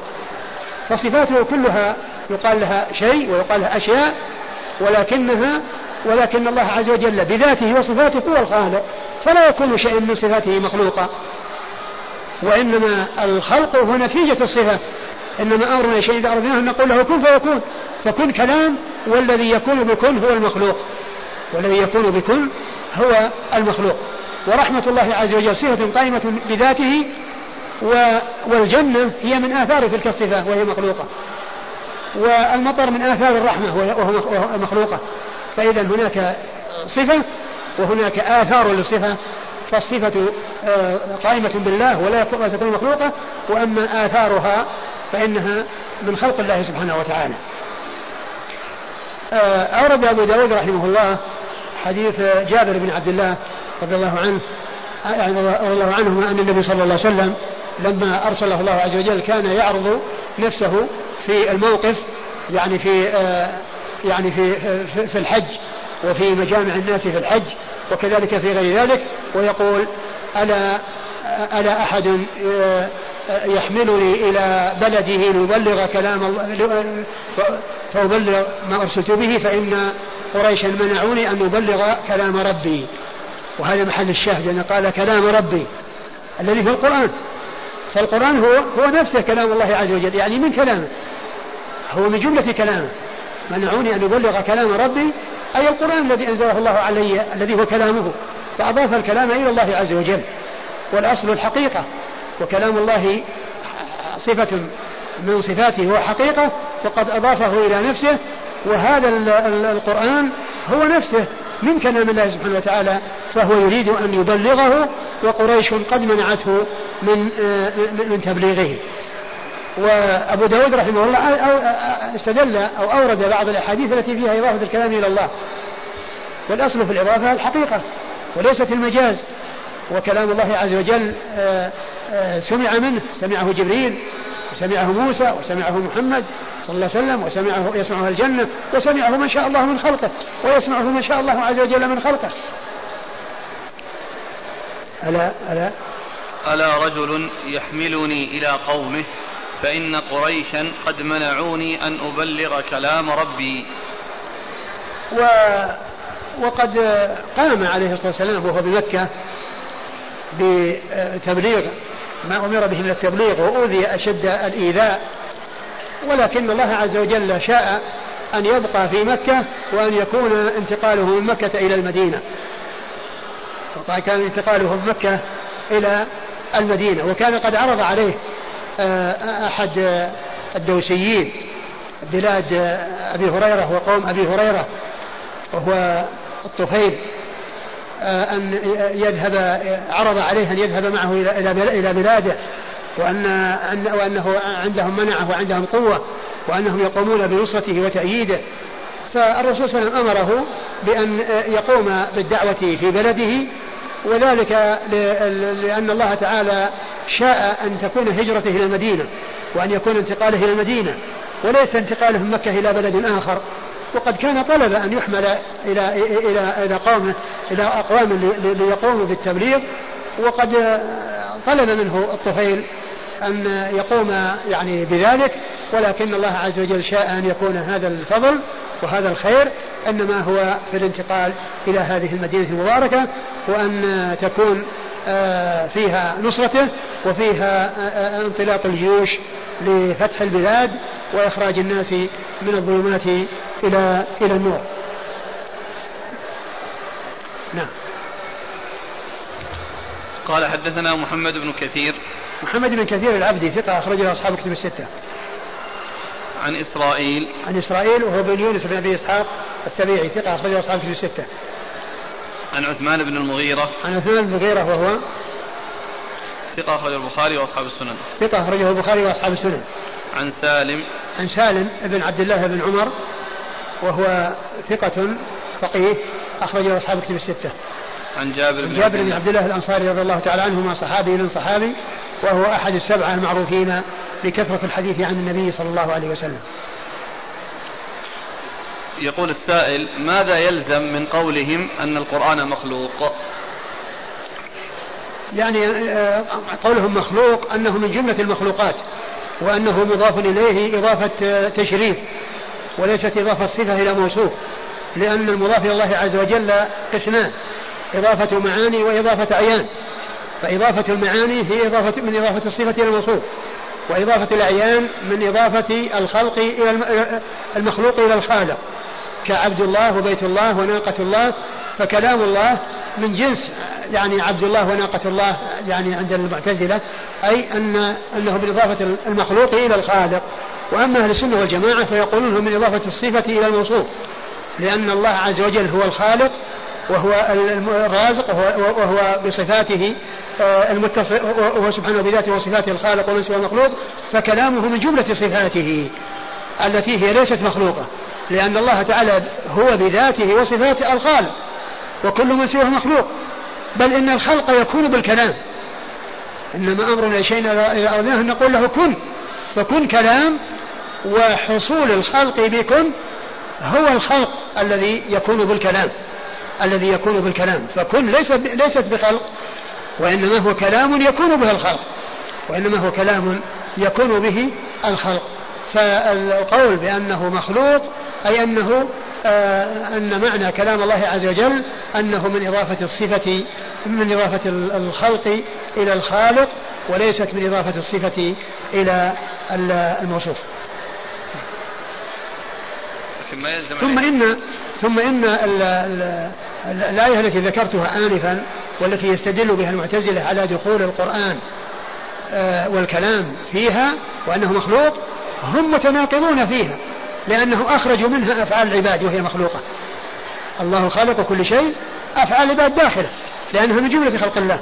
وكلام الله عز وجل لا يدخل لأنه آه لأنه غير مخلوق. نعم. لكن ما تلزم لوازم باطلة على هذا القول القول بأن القرآن مخلوق. لا شك. أقول لا شك لوازم باطلة. يعني فيه يعني آه يعني معنى ذلك أن ما ما جاء من أن جبريل سمعه من الله وأن محمد صلى الله عليه وسلم سمعه من الله وموسى سمعه من الله والملائكة يسمعونه من الله. معنى هذا أن أنه ما حصل شيء من ذلك وأن الكلام الذي حصل إنما خلق في مكان وظهر من ذلك المكان. ولهذا يقولون كلام الله عز وجل خلقه الله في الشجرة وظهر الكلام من الشجرة ولم يظهر من الله. ولم يظهر من الله. ومعلوم أن الذي الذي يتكلم به هو الذي قال إني أنا الله رب العالمين. وما قالت الشجرة إني أنا الله رب العالمين. بل الذي قال إني أنا الله رب العالمين هو المتكلم به سبحانه وتعالى. وليس الكلام للشجرة وأنها هي التي قالت إني أنا الله آه، رب العالمين. هنا كلام حول هذا المعنى. يقول قال شيخ الإسلام في عدد من كتبه مثل الجواب الصحيح وكثير من رسائله يقول لما كلم الله موسى كلمه من الشجرة. ولكن الشجرة ليست هي المبتدئة للكلام بل هي مبلغة للكلام الذي تكلم به الله عز وجل. فهل هذا صحيح؟ لا ليس صحيح ما يقول هذا شخص يعني الشجرة تبلغ كلام الله وإنما الكلام جاء من جهة الشجرة. الكلام جاء من جهة الشجرة وليس من ذلك أنه طلع من الشجرة بل هو من الله بدأ. ولهذا يقول أهل السنة كلام الله غير مخلوق منه بدأ وإليه يعود. منه بدأ أي ظهر منه ما ظهر من غيره. منه بدأ يعني ظهر يعني ظهر من الله عز وجل ولم يظهر من غيره. سمع من الله ولم يسمع من غيره. فهو الشجرة ما بلغت شيء. وهذا لا يقوله شيخ الإسلام أبدا. ولا يصح عن شيخ الإسلام أن يقول أن الشجرة هي المبلغة. وإنما الكلام سمعه من الله. ولهذا قيل له قيل له آه كلم الله. وقال الله عز وجل لما جاء موسى لميقاتنا وكلمه ربه. كلمه ربه. فسمع كلام الله. ولهذا قال ولهذا سأل الرؤية. لما سمع الكلام طلب الرؤية. لأن طلب الرؤية هو نتيجة لسماع الكلام. ولما جاء موسى لميقاتنا وكلم ربه قال ربي أرني أنظر إليك. سمع كلامه فيريد أن ينظر إليه. وليس معنى ذلك أن أن أن الشجرة هي التي بلغت الكلام وأن أن أنها طلع من الشجرة. هذا قول المعتزلة الذين قالوا أنه طلع من الشجرة وأن الشجرة هي التي سمع منها الكلام هل يصح ثم يقول يعني بعض أهل العلم يعني إذا كان أن الشجرة هي التي ظهر منها الكلام يعني معناه إيش الميزة اللي تميز به موسى؟ يعني اللي سمع كلام من الشجرة؟ طيب والذين سمعوا من الملائكة هم أحسن من الشجرة؟ الذين سمعوا من الملائكة أو الذين يعني حصل أنهم سمعوا من الملائكة كلام الله. يعني طبعا أحسن من الشجرة. يعني الملك أحسن من الشجرة. فالتكريم موسى وصل بأنه كريم, كريم الله والكلام طلع من الشجرة. طيب والكلام الذي حصل للناس الآخرين وجاء عن طريق الملك والملك يعني هو الذي آه، آه، آه، ابتدأه وأوجده إذا موسى ما حصل له ميزة في الكلام لأن من يسمع من الملك, من الملك أحسن من يسمع من الشجرة هكذا قال بعض أهل العلم في بيان فساد هذا القول نعم. هل يصح تفسير قل لو كان البحر مدادا لكلمات ربي أن المراد بكلمات الله هي حمد الله وثناؤه؟ لا لا يصح. يعني الكلام الكلام على على على, على كلام الله عز وجل. كلام الله عز وجل آه الذي بدا منه. ما هو كلام الناس؟ ما هو كلام الناس كونهم يحمدون؟ لأن الناس يعني كما هو معلوم لا بد وأن ينتهي كلامه. لأن كل إنسان له بداية ونهاية وله وله آه، وكلامه محصور. ولكن الله عز وجل كلامه الذي آه، هو صفة من صفاته هو الذي آه، لا ينحصر. وهو الذي يكتب به كلام الله. أما كلمات الكلمات الله يعني كونه يعني يمدح ويثنى ويثنى عليه ويذكر ويسبح ويهلل ويكبر وغير ذلك لا يقال إن هذا هو الذي يكتب لأن هذا إنما هو فعل المخلوقين والمخلوقون كلامهم محصور مهما طال عمر الإنسان كلامه محصور والخلق له بداية ونهاية وينحصر كلام الخلق كلهم من اولهم إلى اخرهم من لدن آدم إلى الذين قامت عن الساعة كلهم كلام محصور وينتهي. لكن كلام الله عز وجل لا ينتهي لأنه لا بداية له ولا نهاية له. وأما الخلق فكلامهم له بداية وله نهاية. من لدن آدم الذي قامت عن الساعة كلامهم كله محصور ومدون ومعروف لكن كلام الله عز وجل لا يمكن أن ينحصر لأنه لا بداية له ولا نهاية له. فلو قال أن المقصود بكلمات الله يعني أنها التسبيح والتهليل وكذا الذي يحصل للناس لأن ما يحصل للناس محصور. كل ما يحصل للناس من تسبيح وتهليل وتحميد فإنه محصور لأن الناس لهم بداية ولهم نهاية. فكلامهم له بداية وله نهاية. نعم. نعم. والله يعني بس الأصل الأصل هو أن الكلام هو ما يسمع من المتكلم. هو ما يسمع من المتكلم. هذا هو هو, هو الكلام.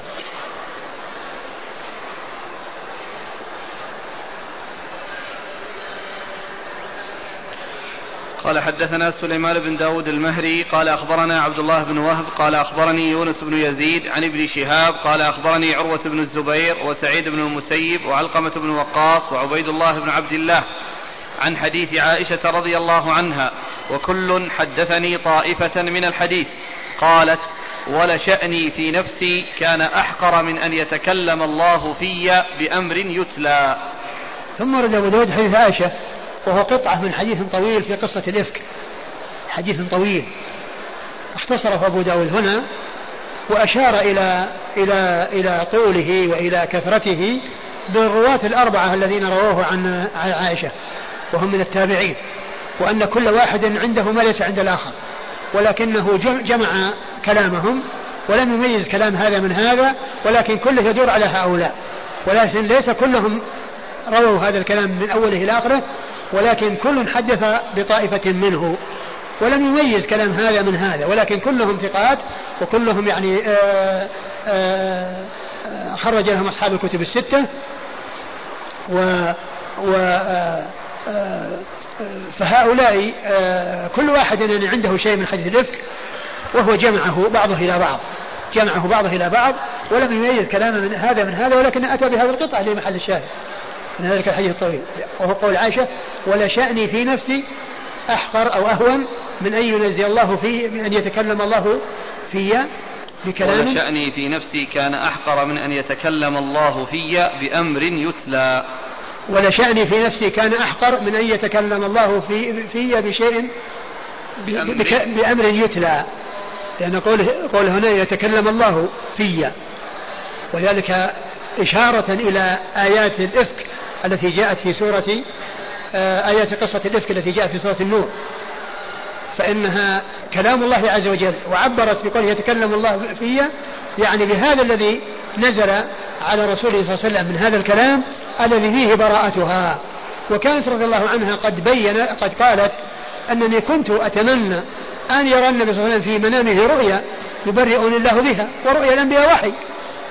ولكنها استعظمت أو استكثرت على نفسها أن الله تعالى يتكلم فيها بكلام يتلى. في قوله إن الذين جاءوا بالإفك عصبة منكم إلى آخر الآيات فإنها كانت ترجو وتتمنى أن الله أن النبي صلى الله عليه وسلم يرى في منامه رؤيا يبرئه الله يبرئها الله بها لأن رؤيا الأنبياء وحي وهي من أنواع الوحي. ولكنها يعني لما نزل هذا القرآن العظيم في براءتها وهذه الآيات في براءتها بينت يعني آه، استعظامها لذلك وأنها آه، يعني شأنها أهون وأنها لا تستحق أن ينزل فيها قرآن. وهذا من تواضعها. وهذا شأن أولياء الله. يعني يحصل لهم الكمال ومع ذلك يتواضعون لله عز وجل. يحصل لهم الكمال ويحصل لهم الرفعة وعلو المنزلة ومع ذلك يتواضعون لله سبحانه وتعالى. فتقول عائشة هذه المقالة ولهذا ابن القيم رحمه الله لما جاء في كتابه آه، آه، في الصلاة على النبي صلى الله عليه وسلم وهو آه، كتاب جلال الأفهام في الصلاة والسلام على خير الأنام صلى الله عليه وسلم ترجم عند مناسبة الآل اللهم صل على محمد وعلى آل محمد ترجم لأزواج الرسول صلى الله عليه وسلم. كل واحدة بترجمة مختصرة يعني أشار إلى شيء من فضائلها ومناقبها. وكان مما ذكره في ترجمة عائشة أن أن أن أشار إلى تواضعها لله عز وجل وأنها قالت هذا الكلام ولشأني في نفسي أهون من أن ينزل الله في آيات تتلى. وقال أين هذا أين هذا من من, لو من أن, أن, أن, بعض الناس يصوم له يعني يوم في الشهر ثم يقول أنا أنا كذا وأنا كذا. أو يصلي ركعتين في الليل ويقول أنا كذا وأنا كذا. يعني آه، يستعظم عمله ويستكثر عمله وهي تقول هذه المقالة رضي الله عنها لما أكرمها الله عز وجل بنزول براءتها بآيات تتلى من كتاب الله تتواضع وتستهون آه، نفسها عند ذلك وتقول لشأني في نفسي أحقر من أن يتكلم الله في بأمر يتلى. فأولياء الله عز وجل أعطاهم الله تعالى الكمال وأعطاهم ما أعطاهم من الرفعة والمنزلة ولم يزدهم ذلك إلا تواضعا لله عز وجل. كما قال الله عز وجل والذين يؤتون ما آتوا وقلوبهم وجلة أنهم إلى ربهم راجعون. وهم مع إحسانهم ومع ما أكرمهم الله عز وجل به من التوفيق للخير يخشون الله عز وجل ويرون أن ما عملوه من أعمال أنه لا يعتبر شيء كما جاء عن الفاروق رضي الله عنه لما طعن وكان في مرض موته آه، وجاء والناس يزورونه فجاء إليه شاب وأثنى عليه وقال هنيئا لك يا أمير المؤمنين. صحبت رسول الله صلى الله عليه وسلم فأحسنت صحبته. وولي أبو بكر من بعده ف يعني فقمت ب آه، يعني معه آه، وكنت يعني سانده وعضده ثم وليت الخلافة وحصل منك كذا وكذا ثم شهادة. ماذا قال عمر رضي الله عنه؟ قال وددت أن يكون ذلك كفافا لا علي ولا لي. وددت أن يكون ذلك كفافا لا علي ولا لي. يؤتون ما آتوا وقلوبهم وجلة كما قال الله عز وجل. ثم إن هذا الغلام لما ولى وإلى ثوبه يمس الأرض. فقال ردوا علي الغلام ثم قال ارفع آآ آآ آآ ارفع ثوبك فإنه أتقى لربك وأبقى لثوبك. يعني ما هو فيه من الشدة وما فيه من شدة الوجع ما منعه من أن يأمر بالمعروف وينهى عن المنكر. وفي أمر من الأمور التي يقول بعض الناس آه الذين لم يوفقوا في آه فيما يقولون يقولون أن أن الشريعة لباب وقشور. لباب وقشور. كلها لباب ما فيها قشور. ولكنها متفاوتة. يعني ليست الأحكام واحدة وليست متساوية لكن ما يجوز أن يوصف شيء منها بأنه قشور. بل كلها لباب. تقسيمها أو قول إنها, إنها لباب وقشور هذا من, من, من, من, من الكلام السيء ومن الكلام القبيح.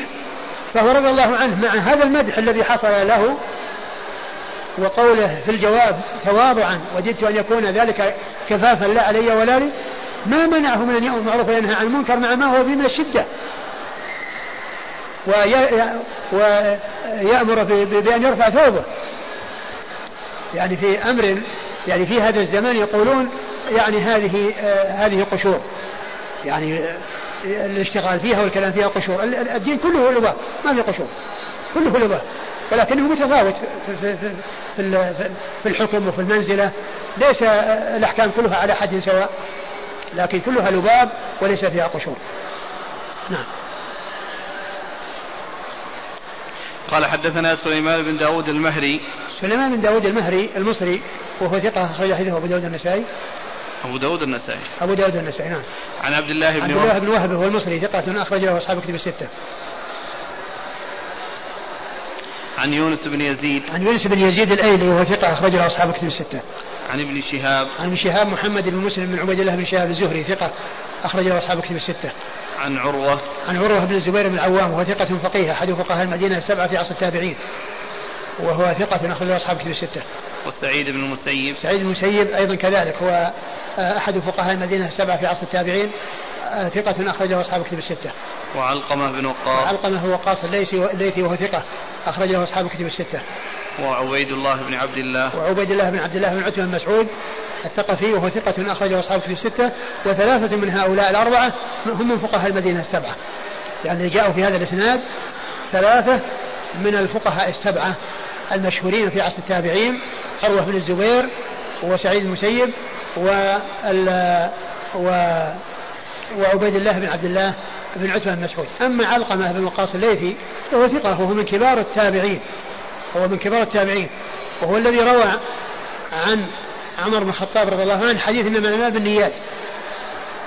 إنما الأعمال بالنيات يعني تفرد بروايته عن رسول الله صلى الله عليه وسلم عمر وتفرد بروايته عن عمر علقمة وقاص الليثي وهو من كبار التابعين وتفرد به عن علقمة ومحمد بن إبراهيم التيمي وهو من أوساط التابعين وتفرد به عن آه، محمد بن إبراهيم التيمي يحيى بن سعيد الأنصاري وهو من صغار التابعين. ثم انتشر بعد يحيى بن سعيد الأنصاري حتى بلغ السبعين الذين رووا عنه والذين رووا عن يحيى بن سعيد الأنصاري الذي هم صغار التابعين بلغوا السبعين أو ما يقرب من السبعين. فالحاصل أن علقمة هذا الذي معه في الإسناد هو من كبار التابعين وهو الذي روى أو انفرد برواية حديث إنما بالنيات عن عمر بن الخطاب رضي الله تعالى عنه وأما الثلاثة الباقون فهم من آه، الفقهاء السبعة في عصر التابعين في المدينة. عن عائشة. عن عائشة أم المؤمنين رضي الله عنها وأرضاها الصديقة بنت الصديق وهي واحدة من سبعة أشخاص عرفوا بكثرة الحديث عن النبي صلى الله عليه وسلم وهم أبو هريرة وابن عمر وابن عباس وأبو سعيد وأنس وجابر وأم المؤمنين عائشة ستة رجال وامرأة واحدة رضي الله عنهم وعن الصحابة أجمعين. صلى الله عليك يقول لو توضحون لنا كيف يكون كلام الله حادث. بينما تقول الجهمية إذا قلتم حادث فهو مخلوق. فنرجو توضيح مقولة الجهمية التي جعلت الأشاعرة يقولون أن كلام الله لا يتجزأ وقالوا بأنه عبارة عن كلام الله القرآن. كلام الله عز وجل نحن قلنا إنه لا حصر له ولا بداية له ولا نهاية له وهو قديم النوع حادث الآحاد. بمعنى الكلام الذي حصل في لموسى متى حصل؟ حصل في الأزل؟ يعني الله يخاطب موسى في الأزل يقول يا موسى أنا اصطفيتك عن الناس برسالتي وبكلامي. هذا كلام في الأزل؟ أو أنه لما جاء موسى لميقاته وسمع كلام الله من الله يعني حصل هذا الكلام من من الله عز وجل في زمن موسى. تكلم الله به في زمن موسى. فصفة فكلام الله صفة قائمة بنفسه يتكلم بصوت يسمع تابع لمشيئته وإرادته وقد سمعه موسى من الله في زمن موسى. ف وليس وليس كل يعني آه، كل ما حدث يكون مخلوقا لأن المخلوقات إذا آه، ما حدث المخلوقات مخلوق لكن كلام الله عز وجل الذي يتعلق بمشيئته وإرادته ويتكلم إذا شاء لا يقال أن كلامه الذي كلم بموسى يكون مخلوقا بل هو من جملة كلامه الذي لا حصر له ولا بداية له. فإذا هو قديم النوع لم يكن متكلما ثم تكلم بل هو متكلم بلا ابتداء. لكن لا يقال إن كل كلامه في الأزل مضى وأن الله لا يتكلم بمشيئته ولا إرادته بل كلامه متعلق بمشيئته وإرادته. والكلام الذي حصل من الله عز وجل وبدا منه بدا منه في زمن موسى. والكلام الذي كلم به محمد صلى الله عليه وسلم بدا منه في زمن محمد صلى الله عليه وسلم بداية المعراج. والكلام الذي يكلم به الجنة إذا دخل أهل الجنة يكون بدأ منه ذلك الكلام الذي يسمعونه. ففرق بين صفة